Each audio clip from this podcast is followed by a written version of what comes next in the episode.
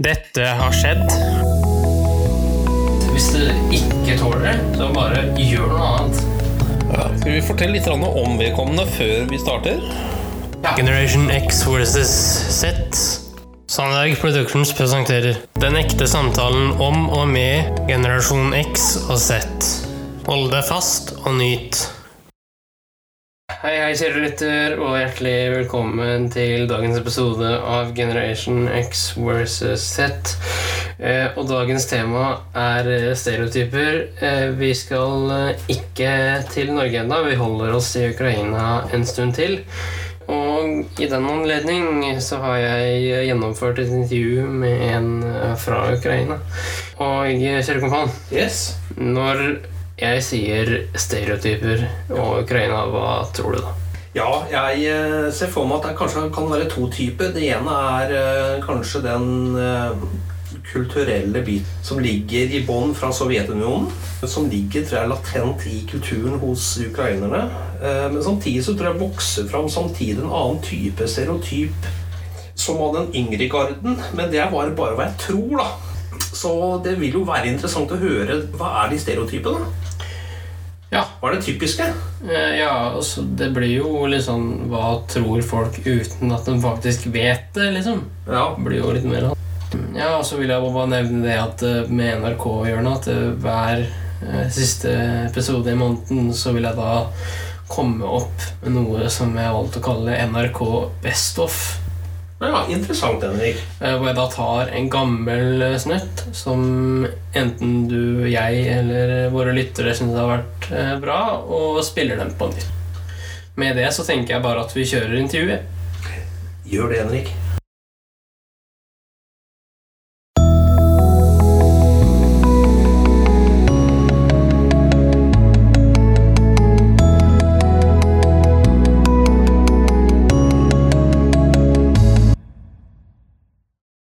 Are you? Hello, Henry. My name is Natalie. I'm a teacher of foreign languages and coordinator at school in Germany, and I'm pleased to be here to have an interview with you. Today's topics is stereotypes. And again, I have some more questions for you about Ukraine if you don't mind answering. Sure, most welcome. What kind of stereotypes are common in Ukrainian or Soviet tradition?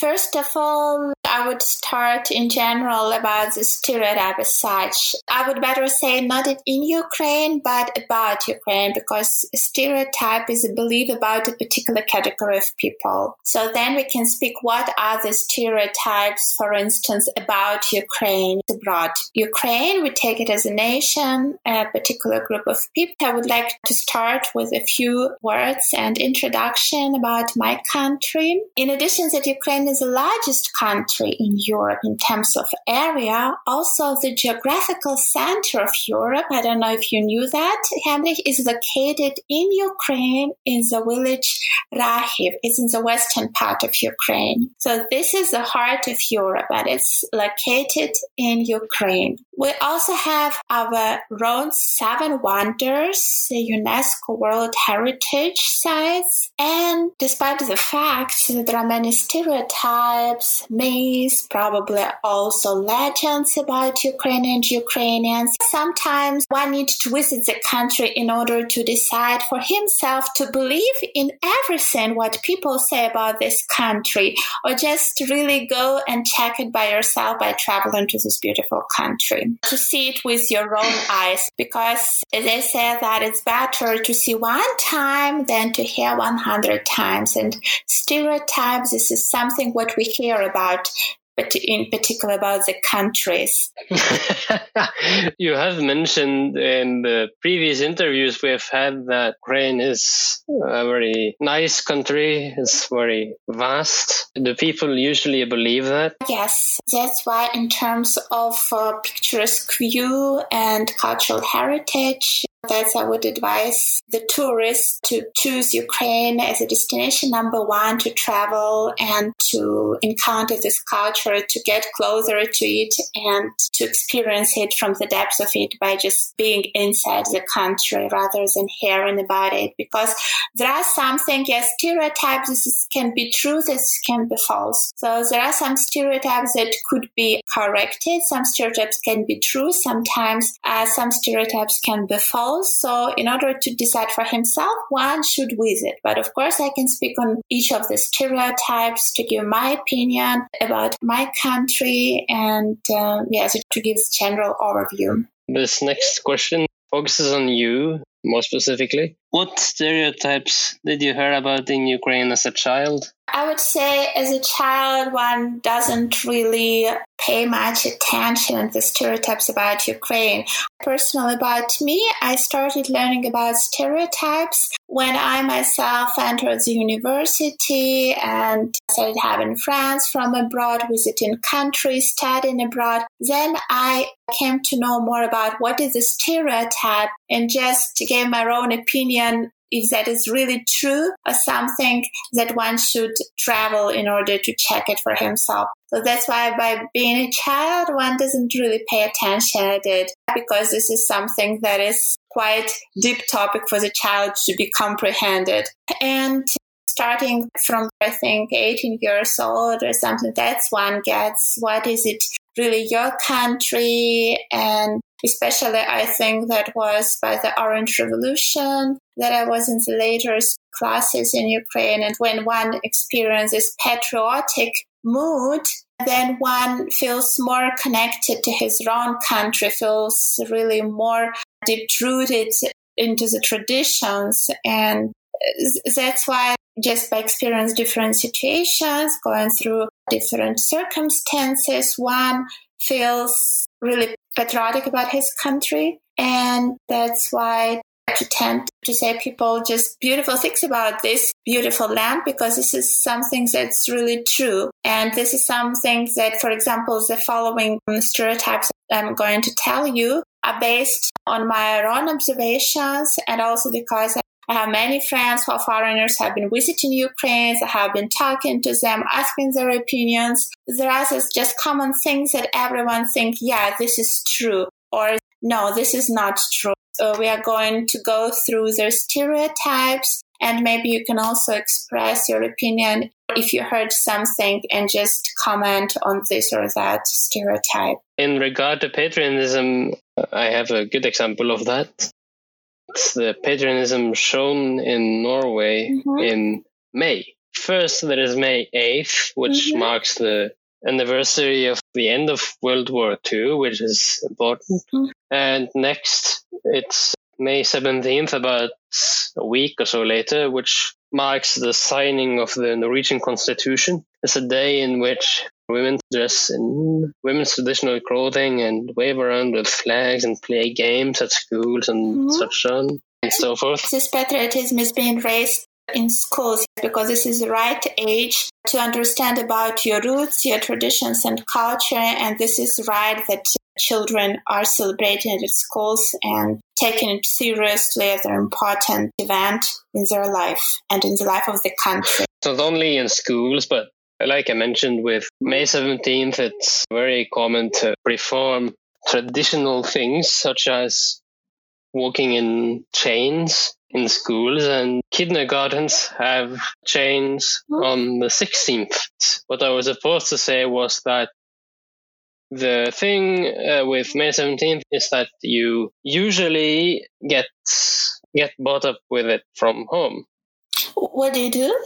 Your family usually celebrates it by going to schools, playing games, mm-hmm. etc. In a standard family, that's what happens. Uh, but in that regard, you also learn about why that particular day is important, mm-hmm. both from your parents, from family members, and from the educational system, especially in primary school. So you see how it's important. That's I really appreciate if nations are doing that, if there is a public awareness, and then just by celebrating those events, one feels really great about his country and is proud of it, and it boosts its, its feeling of patriotism. Yes, the worst kind of patriotic feeling from my perspective is the United States and their patriotism not saying that it's bad, but it's the worst that I've seen at least. Yes, in the different countries it's a different, but if one looks at the general pattern, people feel really connected to their roots because we are raised with some customs, traditions, we, with the environment, and we are really feeling connected with it because it is the years of our life that we just start realizing who we are, what we are doing. That's how our consciousness is built up and I really appreciate that they're doing it at your school, for instance, and they're celebrating these events this way. Not only in my local area, but nationwide. In Norway in general. Yes. So, Henry, have you heard any stereotypes about Ukraine? That's a funny question because as a boy, as a young adult, I've never actually heard anything about Ukraine. Mm-hmm. I've rather heard things about Russia and very bad things. Mm-hmm. So no stereotypes about Ukraine. No, as a boy and as a young adult, I have never heard anything about Ukraine. Not good nor bad, so. Just nothing, right? Nothing, really, yeah. Okay, let me get started, but to get you some insight into my culture. So, first of all, there are different stereotypes. Let's Uh, take those that people are talking generally and let me give you like your opinions on this or that stereotype. First of all, let me get started that there is just a general stereotype that Ukrainian women are extremely beautiful. For instance, walk down any street in any Ukrainian city and you will see yourself that is absolutely true that young Ukrainian women are gorgeous and they take and really care about their appearance. And most women that won't go outside without hair and makeup perfectly done, and their outfit and their shoes and their accessories are perfectly matching. And Ukrainian women, they often win also beauty contests. Western and Eastern men often marry Ukrainian women. In addition, the famous Hollywood star Olga Kurylenko is from Ukraine. I would just add that when you see their surname or just given name with Yen, yeah, with these four letters at the end, that is E N K K and or Yenko, then it's just purely Ukrainian surname that ends with Yenko.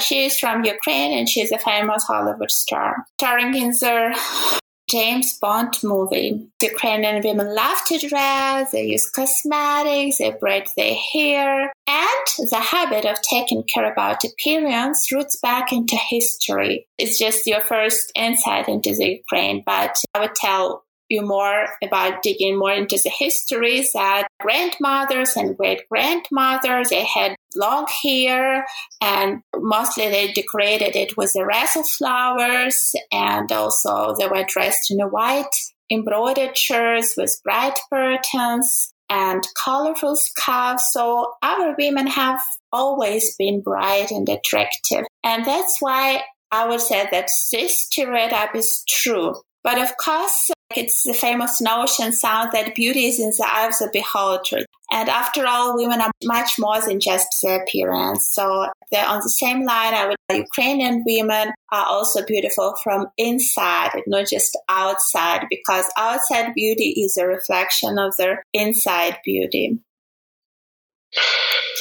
Norwegian women, usually young girls, they mm-hmm tend to be, uh, like you said, beautiful on the outside, but mm-hmm. not as much on the inside. Oh, that's pity to hear. I wouldn't say that in every nation, I believe that there are beautiful girls that could be beautiful inside and outside, but as well, there are beautiful girls who've probably taken care only about their appearance. And that's why what is the main interest in those girls is just their beauty because there is nothing, for instance, to talk about. There is, there are no hobbies. but I would say that Ukrainian women are taking care of both sides inner beauty and outer beauty. There are gold diggers worldwide, and are there such things in Ukraine? I think those people exist everywhere. But is it a common trait? I, I, I wouldn't. I wouldn't say it's a common trait. No, I wouldn't say that. I would rather say that we are a generous nation and hospitable and friendly and always ready to help.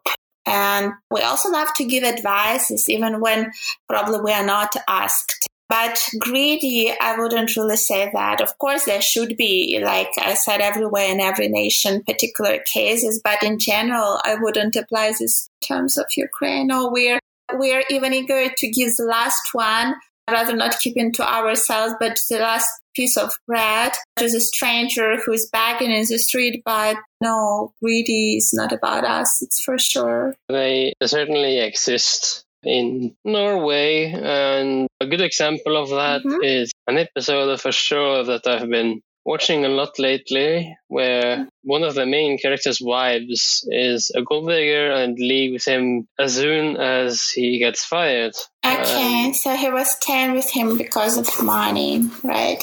Yes, and the person wants to claim the house and the car and everything, but some other guy comes in, hot wires the sink, and this third guy checks the lease contract and then says that, oh, Carl, as his name is, owns this house, not you. That's why I keep to the conception or the stereotype that this feature of character could be present in your nation. Yes, it can be, and I believe it is in some cases. But I'm not saying that it is always, but yes, like I said, in some cases it could be present. For us, it's no. Of course, there could be maybe if you just go to the internet, there could be stereotypes that Ukraine women chase rich foreigners to marry. Maybe it could be a part of it's true, but maybe just let's say 15 years ago or something before.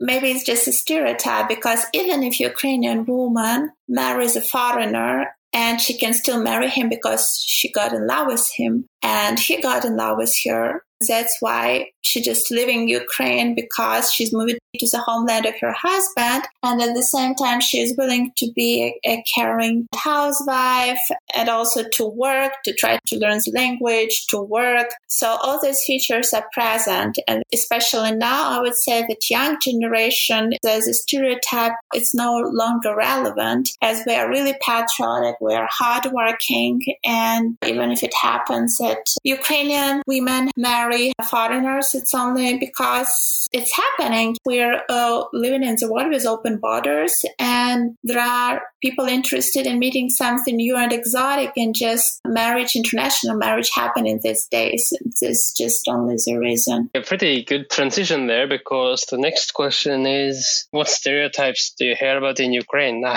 You mean about Ukraine because it's about the nation. I can tell what what superstitions we have in Ukraine. It's already in Ukraine, but stereotypes. Hint, hint, their listener. If we continue about stereotypes about Ukraine, they kept on, of course, changing because coming back to the roots, Ukrainian woman is a housewife, man is a breadwinner. But I would say that now it's getting more and more equal, and man and woman in Ukraine, in every aspect of daily life, becoming equal. And these gender roles but at the same time, in terms of, let's say, work, Ukrainian, many Ukrainian women trying to get also leading positions and just those that may, maybe they were not dreaming about, let's say, 20 years ago when Ukrainian independence was proclaimed. Now it's changing in terms of business life, but also I would like to say some comments about their gender roles. For instance, men's behavior and women's behavior. Men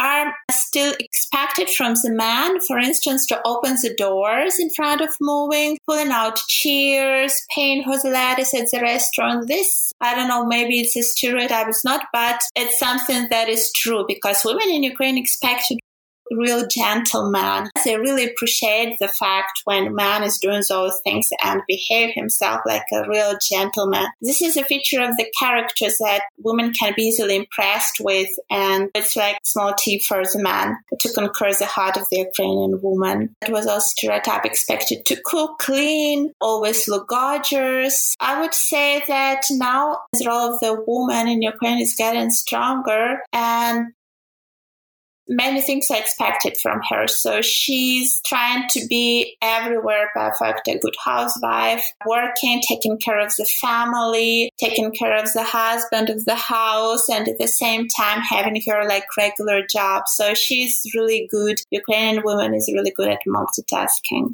So this stereotype is, is something that is true about these gender roles that are alive, but also it's changing because a Ukrainian woman is also also wants to work and it's not that really accepted to stay as a housewife at home. Do you think the perception will change or the tolerance will change?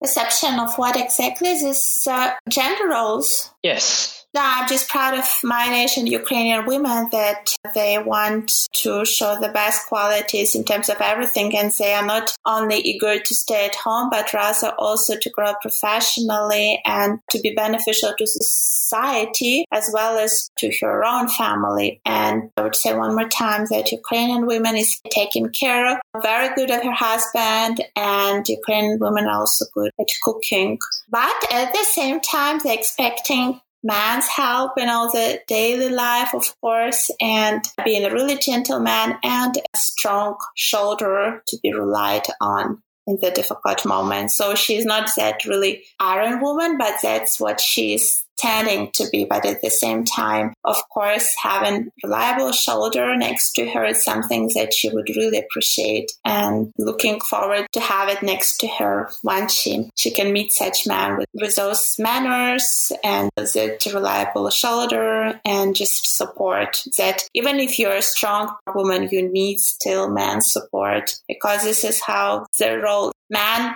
and woman together, a family building up because in the family, each has its own part and everyone has to support another one just to build this team where you can feel comfortable and to create this friendly and comfortable atmosphere to grow and to be happy and to feel the family with the joy and happiness. Of course, there could be the other way around, meaning that the man can rely on the woman and so on. There could be as well, but I would say this is not that perception that is being that spread in Ukraine because, as I said, women are trying to get stronger in their society more and more with the years coming. But as every woman, she's still considered to be a little bit weak. That's why even she acts strong, still she needs that reliable shoulder. But of course, it depends. In some families, I believe everywhere in the world, there could be that a man is ruling the family and woman is ruling the family and man is just taking care of the house and cooking and it's also acceptable. If both agree on those terms and conditions and both feels comfortable with it when woman is earning more money and when woman is career wise oriented and she's a breadwinner of the family and instead man taking care of the house because there should be a person who is taking of the house especially with their children it cannot be just left on its own. Because I had a friend in Ukraine and the parents of hers gave birth to her when they were like teenagers or something, 19 years old. So they were quite young parents and they were lots of into the parties and then working. So she didn't get attention as a baby or as a teenager.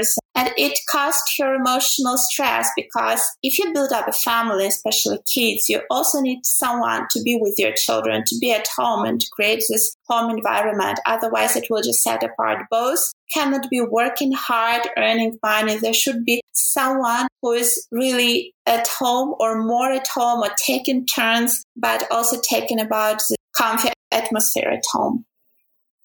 That makes perfect sense. In a conservative society, that would be most acceptable, but in today's society, I'm not so mm-hmm. sure. Today, everything is changing. So everywhere, right? It depends on the person. If people feel comfortable with this or this pattern of behavior, then they do this. But now everything is changing quite fast, depending how both man and a woman feels about it and what do they prefer and what they feel comfortable with. So of course this pattern woman sitting at home is no longer valid.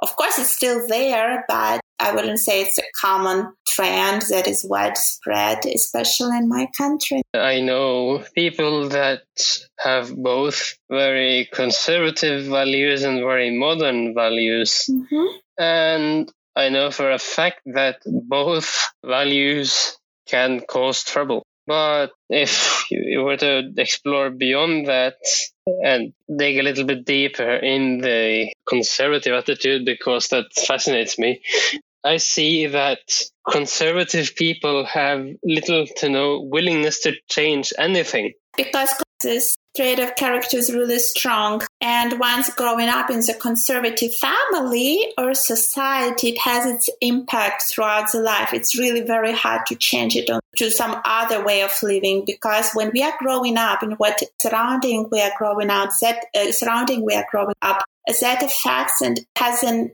impact on our mindset. And this is the most vulnerable years because at this time your, your, parents should be wise enough to embed the right things into the personality of their child to teach him what is wrong and what is right. And the child when he's growing or she's growing he observes the behavior of the parents. So when a child is seeing that mother is staying at home all the time, cooking and taking care of the family, taking care of the dad when he's coming home. Then this child, if he is a son, he's looking for the vibes that looks like his mother because he grew up in this society. And if she is a daughter, this child, then she will probably start behaving the same and taking the same pattern as her mother in her family life and uh, searching for her husband, the man who resembles her father, because this is the pattern she was observing through her life. And this is true. That's why what we have in Ukraine before you get married, it concerns both genders. Look at the family of your spouse or fiance. Is there any divorce there? Is any, what is the attitude of father towards mother or vice versa? Other quarrels in the family? That means the child will behave himself this way because this is what he learned to know. This is what he thinks is correct. That's why it's like 90% true the same behavior a child will take in his family life. As for me personally, I don't really want to marry anyone that resembles any one of my parents. Yes, you are right. So this is, as I said, 90%. And the other 10%, maybe a little bit more, is those children who are so much frustrated or probably fed up or really understanding that what they're seeing in the family is not what they're dreaming about, then they just do on the contrary. They're searching just quite opposite. They could be returning back to the traits of the characters that they have been observing in their mother or father later on. It could be still, but it could be, as you say, just on the contrary, something just the opposite person as compared to the mother or father. As for me personally, I want someone that can provide, but also be there for me and my potential children because I've had some weird experiences, I can say the least, uh, here. Unfortunately, we are not choosing a parents, and that's why we tend easier to choose our parents. Like men tend to choose future wife resembles the features of the character of his mother and his dad and the son of his and the daughter of his father, but could be just quite contrary. The child is upset, disappointed, or frustrated about the situation or the attitude, so that he, and this happens only in the cases when the child is quite smart and quite smart to understand that this values probably that he have been seen in his family this is not something that should be so he realizes himself and he comes to the point that he is eager and willing to change the childhood of his children of course children can choose parental figures But do you believe in such a thing? Do you believe in a parental figure? Do you believe in a person that isn't a parent but can still act as if they were? Why not? Because it's happened all over the world. Otherwise, there wouldn't be quarrels, for instance. Because that's what surprises me. If for instance, the husband and the wife, they're not biological connected, yes, by blood. This is a different blood by child. It's a creation of the love. That's why it's your blood, both fathers and mothers. And you should do your best because you created this new human being and you should apply your efforts to make him happy, to give him the best of what you have, because this is, first of all, the main role of the human being. That's what I find surprising when there are different quarrels between children and parents. It could be observed all over the world as this misunderstanding. If you're a parent, you can try to find the way to your child. And yes, maybe there are some years that could be difficult, but as a parent, you can always find the way. And if it's not the parent, of course, then the child tends to find another person in the face of a friend or another relative with whom he spends more time because he feels more comfortable and whom he considers even more as a parent. Because a parent is not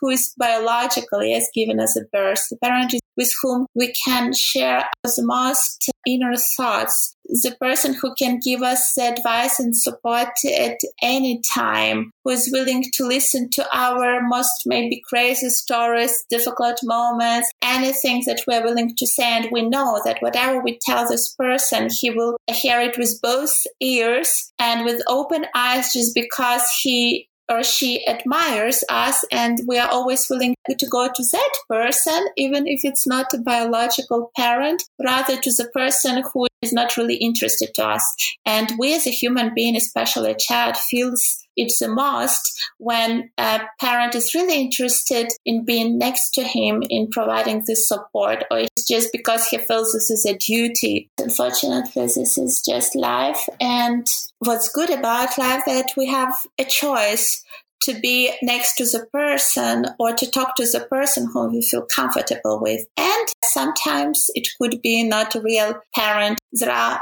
many families when a child is distant to mother or distant to father, or maybe even to both parents, because parents are just in their own hobbies and interests, they don't devote time. And then, if the longer it lasts, then the more child feels himself closed and he's not willing to open his heart because rather he spends time with his friends who share his happiness, who give him advice, who provides the support and willing to be any time with him when parents, for instance, just give money because they understand that they have some duty and some parents see this duty as just giving a money parent instead of because mental support, this is also important and not just financial. I agree.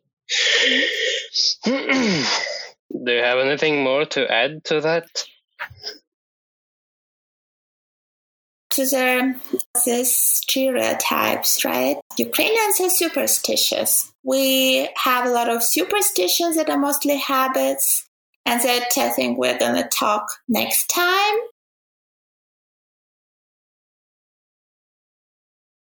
Yes. And uh, yeah, the stereotypes Ukrainians speak Russian. But yeah, they speak, some people, I got also this question what language do you speak?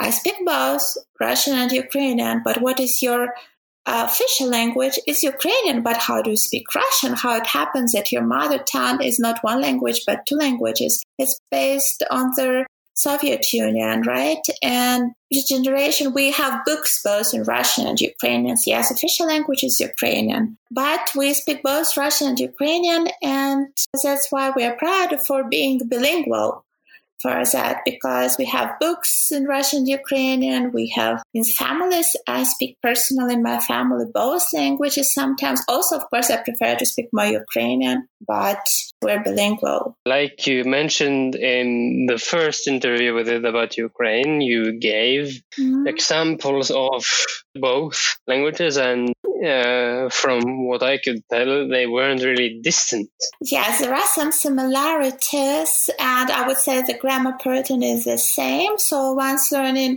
Ukrainian, it's much easier to learn Russian or vice versa. But for instance, yes, we speak both Ukrainian and Russian, but if we go to Russia and we start speaking Ukrainian, no one will understand us. Maybe just some few words, but not that much. It's not like uh, Scandinavia where people are understood across languages. Mm-hmm. The languages are similar. When you speak Ukrainian to the person who speaks purely Russian, for example, in his family, then he will face difficulties to understand what you're talking about. Also, in every district of Ukraine region, yes, Western, we have some accent and some original dialect. For me, I also have a friend from the western part of Ukraine, and sometimes she's using the phrases and calling the common things like cucumbers the way that's not familiar to me, I have to ask her to ask her what did you mean by that because that was they have the special dialect in the western part of Ukraine. They exist everywhere except Mm-hmm. Russia.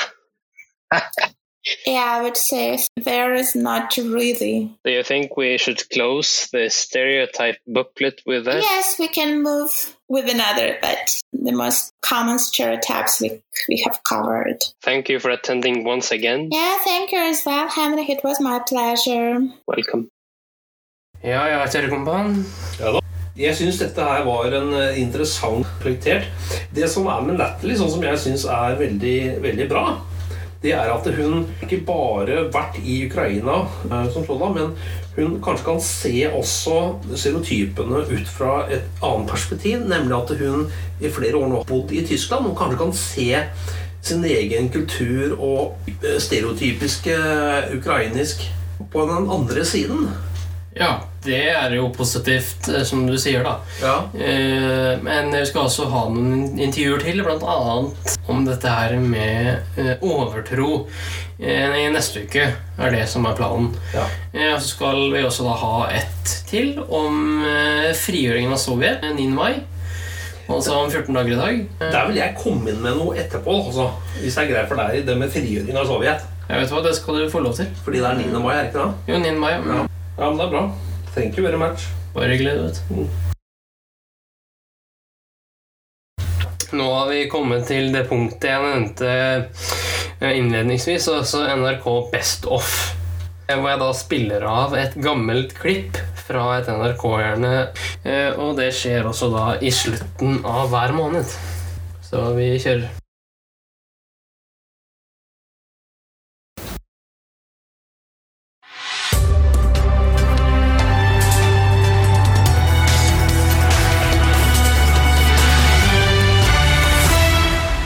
NRK-hjørnet.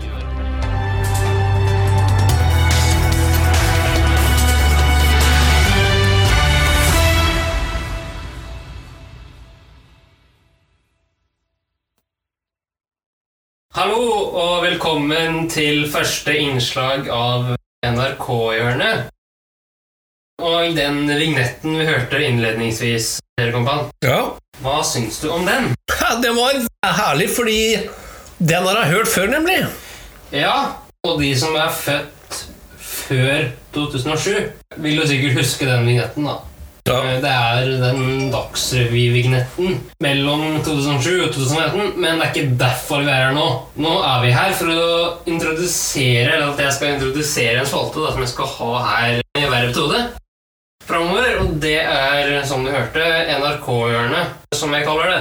En spalte hvor jeg da snakker om NRK på godt og vondt. Og nå skal jeg begynne med et smell, og det er med en, ja, litt morsomhet, da. Jeg skal spille av et klipp for dere nå. Og det klippet, det kan du ta som du vil, selvfølgelig. Dette gigantiske fjellet er laget av søppel. Indias største søppelfylling er 65 meter høy. Over 10 millioner tonn avfall er samla opp her på Gazipur over 30 år. Nå skal India rydde vekk søppelfjellet med litt hjelp fra Norge. Men først hvordan skjedde dette? India sliter med å håndtere søppelet sitt. Enorme mengder avfall havner i naturen, langs veien, i elver, eller det blir dumpet på søppelfyllinger helt usortert. Og det blir til enorme søppelfjell som Gazipur. Men dette søppelanlegget rett ved siden av Gazipur har en plan. Hver dag tar de imot 1300 tonn avfall, som ellers trolig ville blitt en del av søppelfjellet. Søppelet blir resirkulert og bl.a. gjort om til energi. Og nå skal de ta fatt på søppelet fra fjellet. Med hjelp fra eksperter og forskere fra norske Sintef. We will, over the course of the next 18 months, we will come up with a full-fledged solution to take care of the entire 10 million tons which is accumulated there. Målet er at søppelfjellet er helt borte om fem år. Men å rydde opp er bare én del av løsningen. Samtidig tester vanlige indre noe nytt. Kildesortering. Nothing from here should go to a landfill, that is the objective. For det må også til om man skal stoppe søppelfjellene fra å vokse i fremtiden. We are fed up with landfills and the foul smell and the contamination of the soil, the contamination of the water, the contamination of the air pollution, all put together. Ja. Hva syns du om det, kjære kompan? Eh, Det er jo morsomt da at du liksom har en ny spalte, og tematikken er jo både veldig Hva skal si I de miljøtidene vi er i, så er jo det gull å ta opp det. Ikke bare hva som skjer i Norge, men hva som skjer da i andre land. Så det var gull. Ja. Men øh, hva tror du jeg kommer til å komme framover? Ja, det er jo et meget godt spørsmål, Henrik. Du er så fleksibel av natur, og du tar det som ofte faller deg inn. Som du syns er ålreit her og nå. Og du har så mange, mange meninger om ganske meget, for å si det på den banale måten. Ja. Jeg tror det kommer til å bli veldig ålreit å høre på, jeg. Ikke bare veldig ålreit, jeg tror det blir spennende og morsomt. Ja, men uh, også for å si det sånn, da, så er målet med denne spalten her, det er å få fram en positiv følelse, samtidig som det kan være provoserende til tider. Ja. Eh, så med det så tenker jeg vi runder av det første NRK-hjørnet. Ok, Henrik.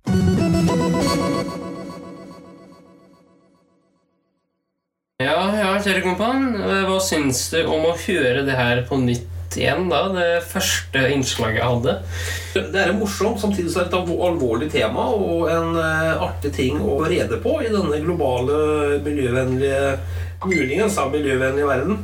Så eh, nei, jeg syns det var et flott innlegg, Henrik. Jeg tror faktisk du sa det i innslaget, hvis jeg ikke husker feil. Og jeg vil gjerne ha eh, forslag fra lyttere om eh, ting, gjerne morsomheter, som jeg kan eh, ta med i fremtidige NRK-hjørner. Kan også være i forbindelse med høytider, kalenderdager i Norge, ikke sant? Ja, alt. Ja. Bare det er morsomt, da.